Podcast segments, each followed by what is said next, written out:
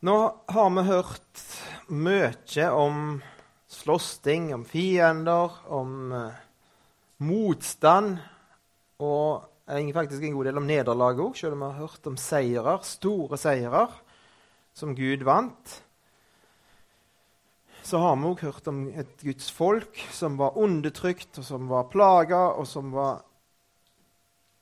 som var utro imot Han, som var vantro. Og Dommernes bok er på mange måter til å bli litt deprimert av. For det er Men av og til så er det sånn for min del, når jeg kikker tilbake på livet mitt, så er det òg ting som er til å bli deprimert av. Det er nederlag der òg. Og det er fiender. Og ser vi på rundt oss i forsamlingene, så kan det hende at det er ting til å bli deprimert av der òg. Det er nederlag, og det er øyeleggende krefter som kommer inn. og Ser vi på kirkehistorien, så er ikke så lys alltid. Så er egentlig mye som ikke er så Så er det noen lysglimt av og til. Men trenger det være sånt? Er det sånt at vi er dømt til å gå i deres fotspor? Er vi dømt til å gjenta de samme feilene som de gjorde? Og jeg, jeg, har lyst til at vi skal prøve å se litt på det i den siste timen jeg skal ha. Da skal vi flytte oss litt, litt ut av Dommernes bok. På én måte, men ikke på en annen måte.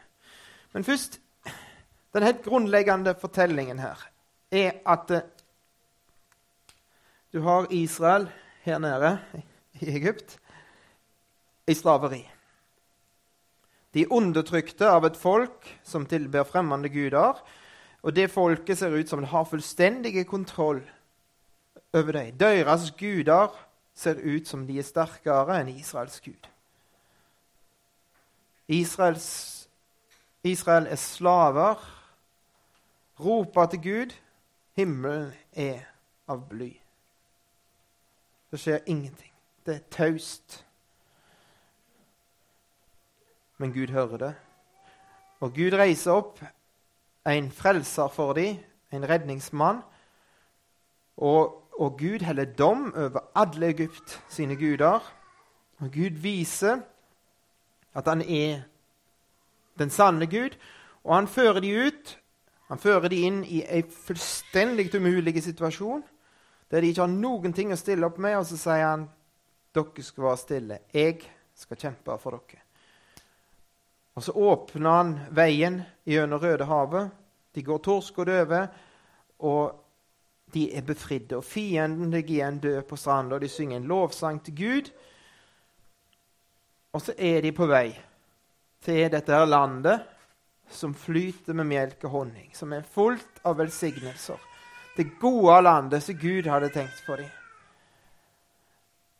Og så ender de opp med å ikke ville gå inn for det er fiender i det landet. Dette landet er okkupert av fiendtlige makter, av makter som ikke vil gi slipp på det. De ikke vil tillate at Guds folk får nyte det. Og, og så fører Josfa de over Jordanelva, inn i landet. De inntar det, de får det i, i eie. De de får landet. Josfa herska, Israel herska i landet. Selv om det var, det var ufullkomment, så var landet deres. Men så begynner vi å se, og det er det Dommernes bok har vist oss, at det er fiender. Både inne i landet og utenfor. Det er fremdeles noe av det gamle som er igjen. Og det gamle som er igjen, det er der, har øyeleggende virkning. Og så er det en stadig kamp for at det landet som var blitt inntatt, det landet som var blitt deres, at det skulle bli beholdt.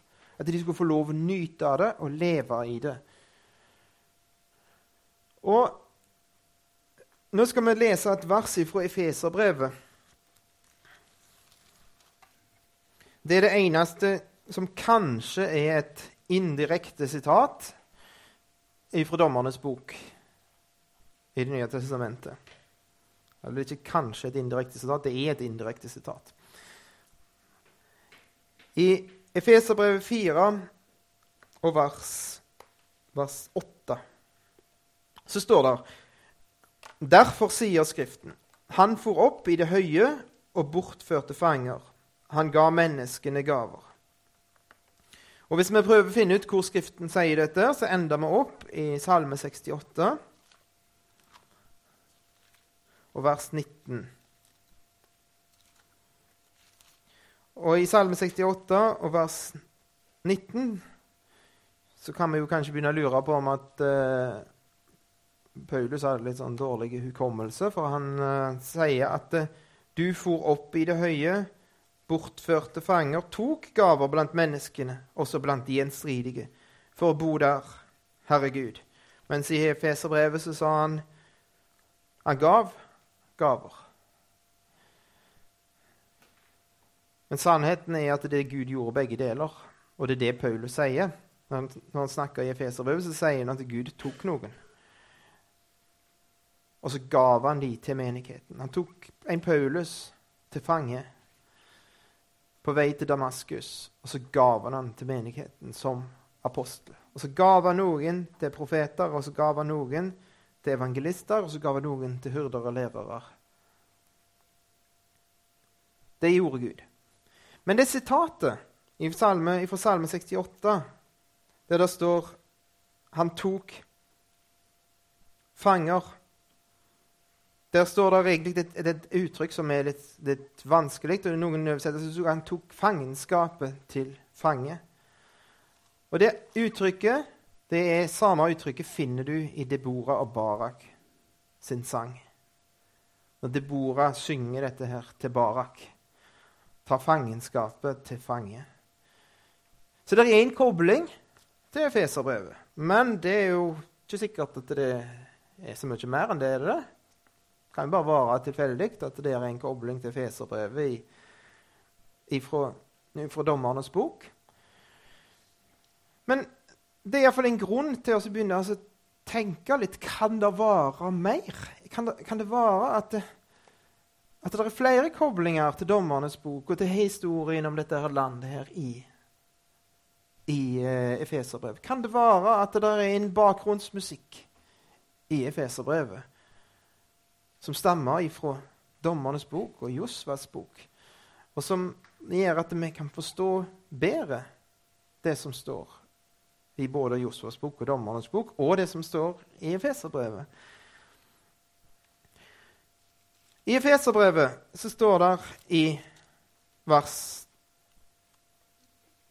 3 Lovet være Gud, vår Herre Jesu Kristi Far, Han som har velsignet oss med all åndelig velsignelse i himmelen i Kristus. Så her har vi en plass, en eller annen plass som heter himmelen. Eller det himmelske, som det egentlig helt nøyaktig kan oversettes, og så er det en haug med velsignelser. Faktisk all åndelig velsignelse i en eller annen plass som heter det himmelske. Og hvis vi, hvis vi leser videre, så leser vi at den, på den samme plassen, i det himmelske, eller i himmelen, så leser vi i vers 20 at det der sitter faktisk Kristus, Messias, med Guds høyre hånd. Så den plassen, det området der velsignelsen er, der sitter òg Kristus som hersker og regjerer og hersker over folket sitt og over alle makter og myndigheter. Og så leser vi i kapittel 2 at ikke bare se til Kristus, er Kristus plasserte dette, på dette området som heter det himmelske, men òg vi er plasserte samme plassen. Han har gjort oss levende i vers 1, og i vers 6 i kapittel 2 Han reiste oss opp sammen med ham og satte oss med ham i himmelen i Kristus Jesus. For at han i de kommende tider kunne vise sin nådes overveldende rikdom i godhet mot oss i Kristus Jesus. Så velsignelsene i det himmelske, eller i himmelen. Kristus sitter på tronen i himmelen, eller i det himmelske. Vi er sett der i sammen med han i det himmelske. Og så står det videre, når vi leser utover, om makter og myndigheter i himmelen, i f.eks. 3, 3 vers 10. Slik skulle Guds mangfoldige visdom nå gjennom menigheten bli kunngjort for makten og myndigheten i himmelen. Så det er i tillegg til, til Kristus, oss, all åndelig velsignelse, så er det òg makter og myndigheter i det, den samme plassen. Og så leser vi noe merkelig, for det skurrer litt. Ikke når vi leser det i, i den norske oversettelsen direkte, men sånn som det egentlig står på, på grunnteksten, så står det akkurat samme uttrykket der. Og da er vi i kapittel 6 og vers 10. For øvrig, bli sterke i Herren og i Hans veldige kraft. Ta på dere Guds fulle rustning, så dere kan holde stand mot djevelens listige angrep. For vi har ikke kamp mot kjøtt og blod, men mot maktene, mot myndighetene, mot verdens herskere i dette mørket, mot ondskapens ånde her. Så står det her i himmelrommet, i, i min bibel iallfall. Vet ikke hva det står i, i 2011. Noen som har den? Hmm? Samme. Altså i himmelrommet. Men egentlig så står det akkurat samme ordet på grunnteksten. Det himmelske. Så i den himmelske verden, der velsignelsen er, der er det òg fiender. Og da er det ikke himmelen som vi snakker om når vi snakker om å komme til himmelen den dagen vi, dør, og at vi skal være sammen med Jesus i all evighet, og den plassen der det ikke er tårer og ikke sorg, og ikke som vi leser om i åpenbaring. Det er ikke det vi snakker om. Vi snakker om en verden, et område, som er usynlig for oss. Men i, usyn, i denne her usynlige verden så har vi blitt gjort sukkrike med all åndelig velsignelse. Vi har fått et land som flyter med melk og honning. Men i det landet Og nå drar jeg linjer, sant? I det landet så er det fiender. Men i det landet så er det en som er sett på tronen over all makt og myndighet. Som når Josva inntok landet og la det under Guds folk og herska, de herska over dette landet, så er det en som sitter på tronen i dette landet. Men det er fremdeles fiender. Det er fremdeles noen som vil ta vekk velsignelsen. Som vil, vil rive ifra oss velsignelse i denne her himmelen som det er snakk om her. Det er makter og myndigheter, det er ånd, åndsmakter som vil ta ifra oss.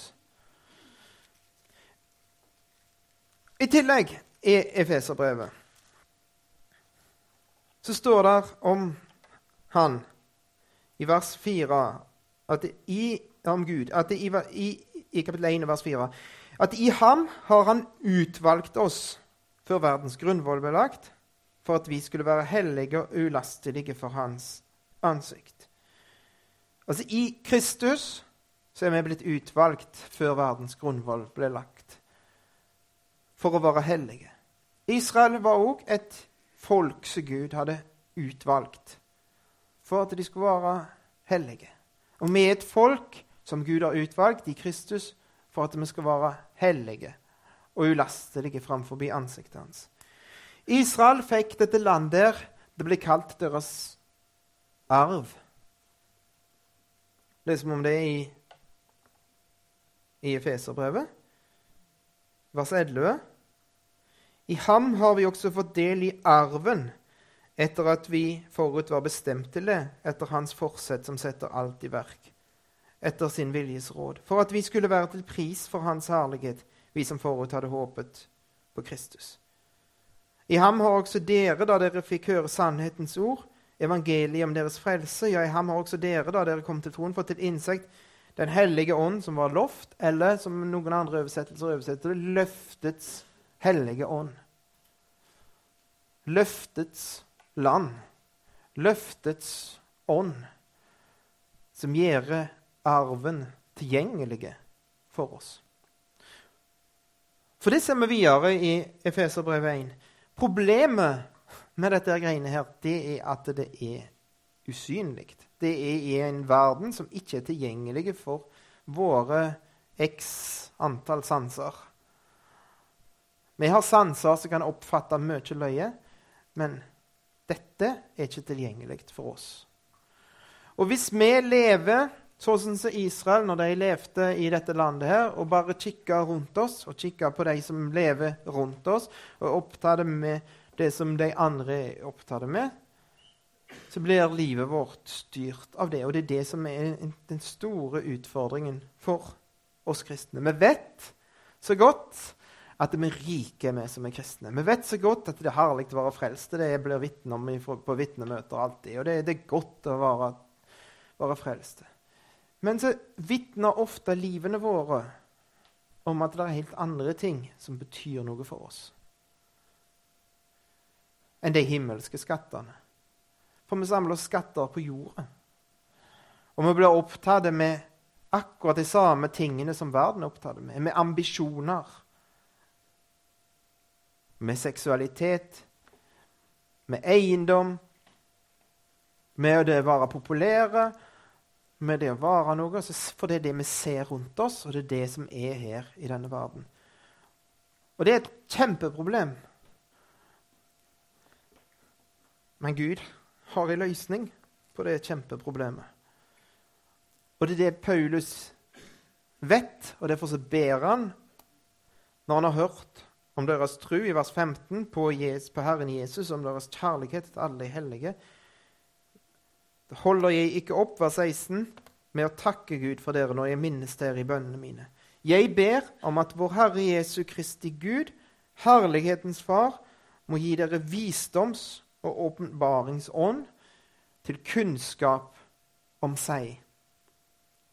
Og gi deres hjerter opplyste øyne, så dere kan forstå hvilket håp han har kalt dere til, hvor rik på herlighet hans arv er blant de hellige, og hvor overveldende stor hans makt er for oss som tror, etter virksomheten av hans veldige kraft.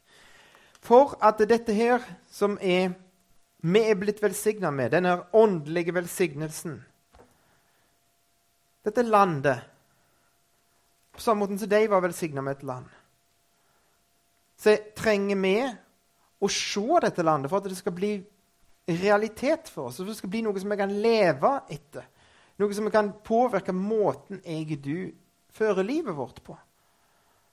Og da nytter det ikke at det er bare noe som vi har, har hørt. Vi må se det. Og hvordan i all verden kan jeg du se noe som er usynlig? Noe som vi ikke har sanseapparat for å se. Det er ikke tilgjengelig for oss.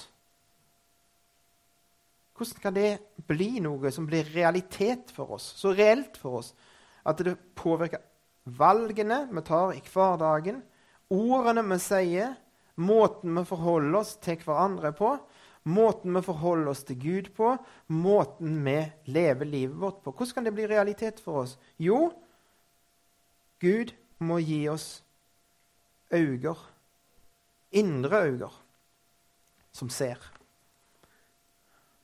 Og Derfor så ber Paulus om at det, det, Gud må gi dem visdomsåpenbaringsånd til å kjenne for det første Han. Hva var problemet for Israel? For den generasjonen som kom, de kjente ikke Gud og ikke hans store gjerninger. Og Derfor så fulgte de avgudene. De kjente ikke Gud, og de kjente ikke gjerningene hans, og derfor så fulgte de avgudene. Paulus ber for efeserne at han må gi dem åpenbaringsånd til kunnskap om seg, til å kjenne Han, til å kjenne Gud, og øyne til å forstå hva håp han har kalt dere til, hva, hva dette her er for noe, hva, hvor verdifullt det er, for, er egentlig dette. At vi faktisk er rike. At det ikke bare blir noe vi har hørt, og noen tomme ord, men at vi ser verdien i det. Hvor rik på herlighet hans arv er blant de hellige. Hvor rikt det er. Og de kjente ikke hans store gjerninger. Og hvor overveldende stor hans makt er for oss som tror. Etter virksomheten av hans veldige kraft. Her er det noe som vi har fått, som Gud kan gjøre tilgjengelig for oss. Og så trenger vi kraft. Hva betyr det? Det skal vi, skal vi se på. Trenger de kraft? De trenger kraft. For det var fiender. Og da trenger du kraft. Det er noen som, det er hindrende krefter. Det er krefter som virker imot at de skulle få sette foten sin og nyte de områdene. Og da trenger vi kraft. En kraft som ikke er av oss sjøl. En guddommelig kraft. Hans veldige kraft. Og den krafta har han vist allerede på Kristus. Når han plasserte han på tronen over all makt og myndighet. Kunne han ikke bare gjøre det? da? Kunne han ikke bare lufte han opp og så sette han der? Selvsagt kunne han det. Men det krevde Guds overveldende kraft å gi han herredømme over oss. For det var krefter som beherska oss, livene våre. På samme måte som dette landet her var beherska av fiender. Hva er fiender? Hva fiender er det som vi slåss imot? Jo, det er alle disse driftene og lystene som vi lever etter. Og det er tingene som må gjøre. Det er helt konkrete ting. Det er baktalelse. Det er ulydighet. Det er egoisme. Det er lysten til å ha mer. Det er seksual, ureine seksualitet. Det er ureine ord fra munnen vår. Det leser vi om i Feserbrevet. Det er ting som behersker oss. Og som hadde kontroll over oss. Det er en som het 'denne verdens fyrste' i Det nye testamentet. Denne verdens gud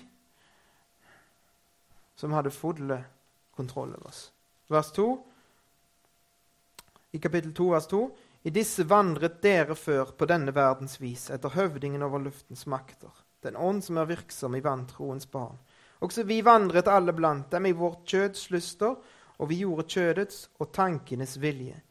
Vi var av naturen vredens barn, like som de andre. Men Gud, som er rik på miskunn, har på grunn av sin store kjærlighet, som han elsket oss med, gjort oss levende med Kristus, vi som var døde ved våre overtredelser. Av nåde er dere frelst. Han reiste oss opp sammen med ham og satte oss sammen med ham i himmelen i Kristus. Vi var beherska, vi var regjerte av drifter, av kjødets og tankenes vilje. Vi gjorde det som vi tenkte var rett. På samme måten som Israel gjorde på slutten av Dommernes bok. Så de gjorde det de tenkte var rett i deres tanker. De tenkte til meg at det var rett, at det var godt, det de gjorde. Men Gud har, har befridd oss. Gud har gjort det mulig å leve et liv i seier over disse fiendene. Vi er ikke dømte som kristne til å leve et liv i nederlag. Vi er ikke dømte til å bare komme akkurat inn forbi døra. Og så lever vi der, og så handler det om å bli varende rett inn forbi. Og så er vi syndere, og så, vi, så ramler vi igjen og igjen og igjen. og igjen. Det kan godt hende vi opplever det sånt. Det kan godt hende du opplever det sånt. Men vi er ikke dømte til å leve i dette. Gud har sett Kristus på tronen over all makt og myndighet. Alle krefter som kan hindre deg i å leve et hellig og rent liv, de er beseira av Han. Han har makt til å seire over dem. Og den rikdommen som han har gitt oss, den rikdommen som de hadde fått, den skulle de utforske. Den skulle Det var ikke nok at de gikk inn i landet og tok Jeriko og tok Ai og tok de andre byene og, og tok kontroll over landet. De måtte sette foten sin på områder og gjøre de til sine. Gjøre de til områder der Gud herska. Områder som før var beherska av noe annet. Og For at de skulle gjøre det, og for at de skulle, skulle få det, så måtte de utforske dette landet. De måtte bli kjent med dette landet. De sendte De målte opp landet, leser vi om. Det leser vi faktisk om i Efeserbrevet òg. I kapittel 3, vers 18, vers 17 At Kristus må bo i deres hjerter for at dere, rotfestet og grunnfestet i kjærlighet, sammen med alle de hellige, kan være i stand til å fatte hva bredde og lengde, høyde og dybde her er. Hvor er der bredde og lengde og høyde og dybde? Men der er det i et land, iallfall. Der er det i det landet der. Der er fjelltopper, og der er da, dype daler. Og der er lengde og bredde, og det måtte de utforske og bli kjent med. Og vi, ved at Den hellige ånd gir oss hjertets opplyste øyne Og det må være vår bønn når vi ber for Guds folk. Så må det være vår bønn òg. At Gud må gi oss opplyste øyne, så vi ser hvor verdifullt dette her er. Og at vi kan måle det opp i sammen. Bli kjente med det sammen. På samme måten som det står her Bredden, lengden, høyden og dybden. Se hvor rikt det er. I fellesskap. Sammen med alle de hellige. I fellesskap finne ut hvor verdifullt dette her er. Hva er vitsen med det? For at vi skal kunne ha vitnemøter og så sitte og fortelle hverandre om hvor, hvor, fint det er, og hvor flott det er. Og så viser vi fram noen flotte ting som vi har funnet i denne boka her. Ja, det er vits i det. Klart det er vits i det. Å se Guds herlighet og se storheten i det, det, han har gjort. Det er klart det var vits i å gå inn i det landet og ete frukten og nyte druene. og Nyte brødet som du fikk bakt etter du hadde jobba med kodene. Nyte det. Det er klart det var vits i. Det er vits i å bare nyte de skattene Gud har gitt oss. Men Poenget der var òg at det landet skulle bli beherska av Gud. Det skulle være noen som levde på en annen måte i det landet enn de som levde rundt. De skulle være et hellig folk, et rent folk, et eiendomsfolk som skilte seg ut ifra det som ellers var i verden. Og det har Gud òg tenkt for oss at vi skal være hellige og ulastelige. Han har lagt ferdige noen gjerninger for oss for at vi skal vandre i dem. Han har frelst oss av nåde, men han har lagt ferdig noen gjerninger for, oss for at vi skal vandre i dem. Han vil at dette her, som vi ser i denne usynlige verden, skal komme ned på bakkeplan. At det skal bli en forandring i livet vårt. Og det er det vi leser om hvis vi leser videre i Efeserbrevet så ser vi at det er helt dagligdagse ting. Det handler om dagliglivet mitt og ditt. At det synet som vi har sett, de skattene som vi har fått At det fører til at Gud får kontroll. Der begjæret styrte før, der styrer han nå. Der stoltheten styrte før, der er det nå underordning. Der ulydigheten styrte før, der er det lydighet. Han som stal før, han skal ikke stjele lenger, men gjøre noe godt med hendene sine. Den munn som snakket råtent, stygt, ekkelt snakk, den snakker ikke lenger sånt. Den snakker noe som heter velsignelse. Det kommer noe godt ut av munnen som heter oppbyggelse for andre. Det som før var det som en reiv ned, nå er det noe som, noe som bygger opp.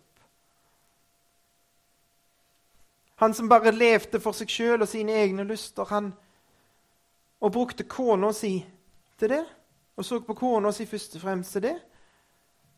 Han begynner å elske kona si sånn som Kristus elska menigheten og gav seg sjøl for henne. Tenk for en forandring. Tenk for et vitnesbyrd fra verden hvis Gud får lov å gjøre det i livet vårt pga. at vi har sett disse store skattene, pga. at vi har fått innblikk i det landet Gud har gitt oss.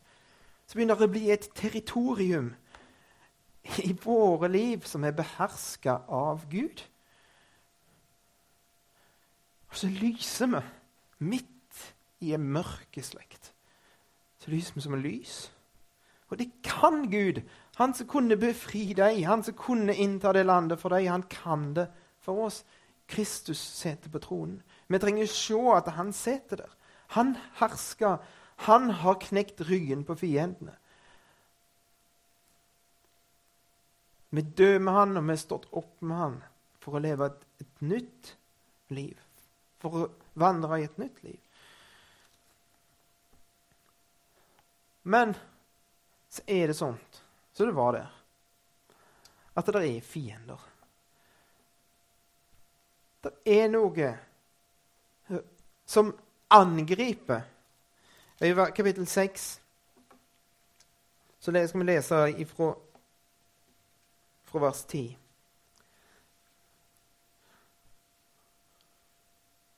For øvrig, bli sterke i Herren og i Hans veldige kraft. Ta på dere Guds fulle rustning, så dere kan holde stand mot djevelens listige angrep. For vi har ikke kamp mot kjøtt og blod, men mot maktene, mot myndighetene, mot verdens herskere i dette mørket, mot ondskapens ånde her i himmelrommet. Ta derfor Guds fulle rustning på, så dere kan gjøre motstand på den onde dag, og bli stående etter å ha overvunnet alt. Stå da ombundet med sannhetens belte om livet og var iført rettferdighetens brynje. Ha som sko på føttene den beredskap som fredens evangelium gir.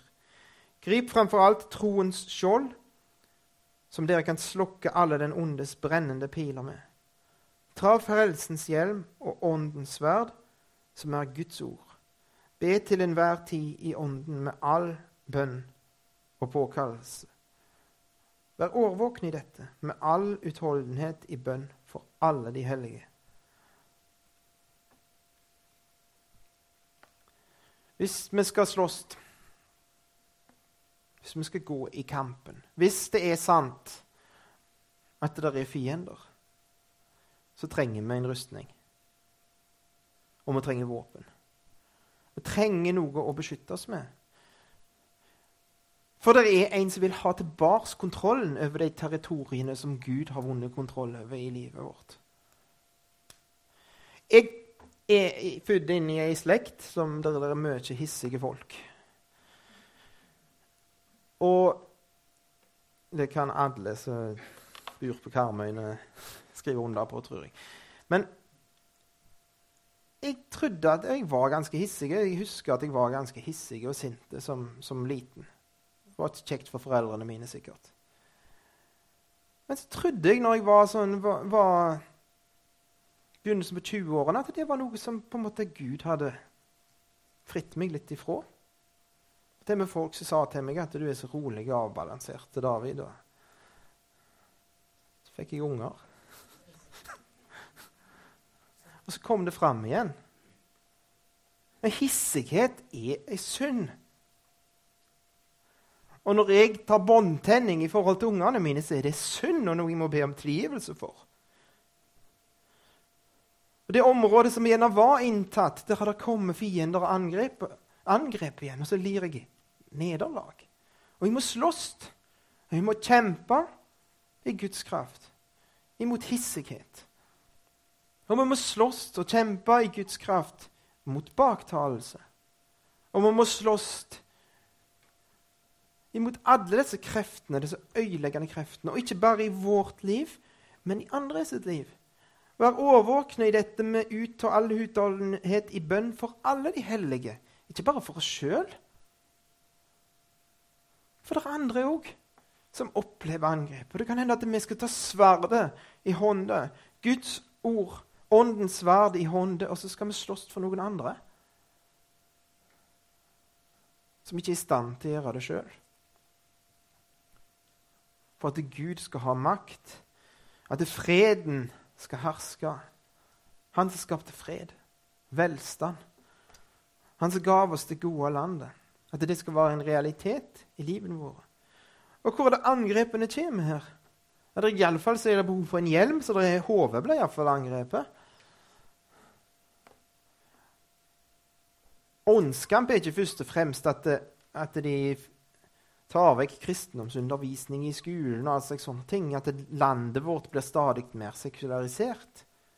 Åndskampen foregår ikke hos troende. Når den vonde angriper tankemåten vår, Sånn at vi ikke lenger lever for den himmelske verden og, det, og, for Han som sitter på tronen der. At vi ikke lenger ser det, men at vi begynner å leve som akkurat de andre.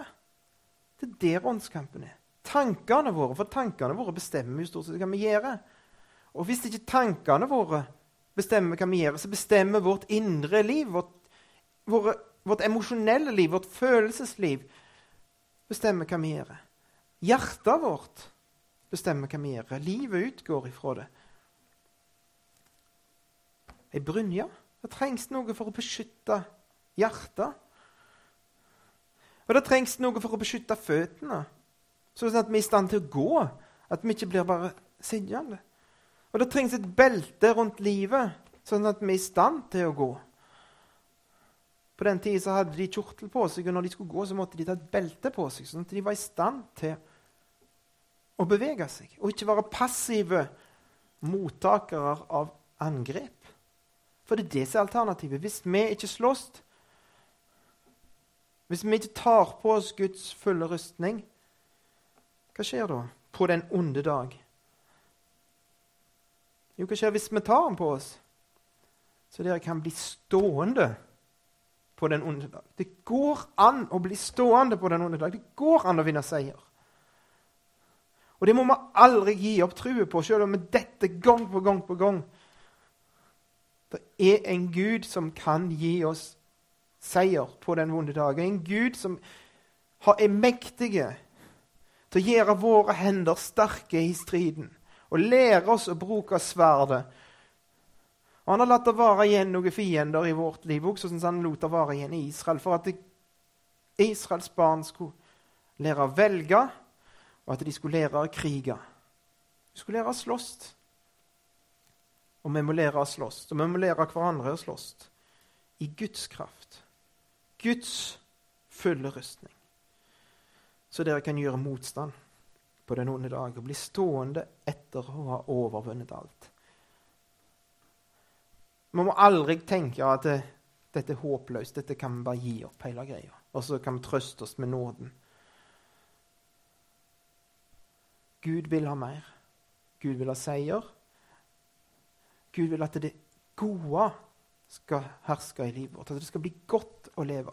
Godt for oss, godt for de rundt oss, godt for familien vår. Godt for slekten vår, godt for arbeidskameratene våre. At de skal se noe godt som er fra en annen verden, som er blitt realitet. Som ikke bare er i en usynlig verden som trenger hjertets opplyste øyne for å se, men som er blitt en realitet fysisk nærmest, i vårt liv. Og jeg tror at det er litt det Dommernes bok handler om for oss. Det er ikke bare en historie om Israel og deres forhold, men det handler om oss.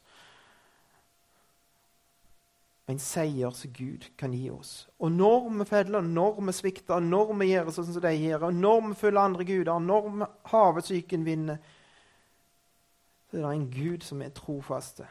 En Gud som aldri slipper oss. En Gud som reiser opp dommere som dømmer oss. Heldigvis.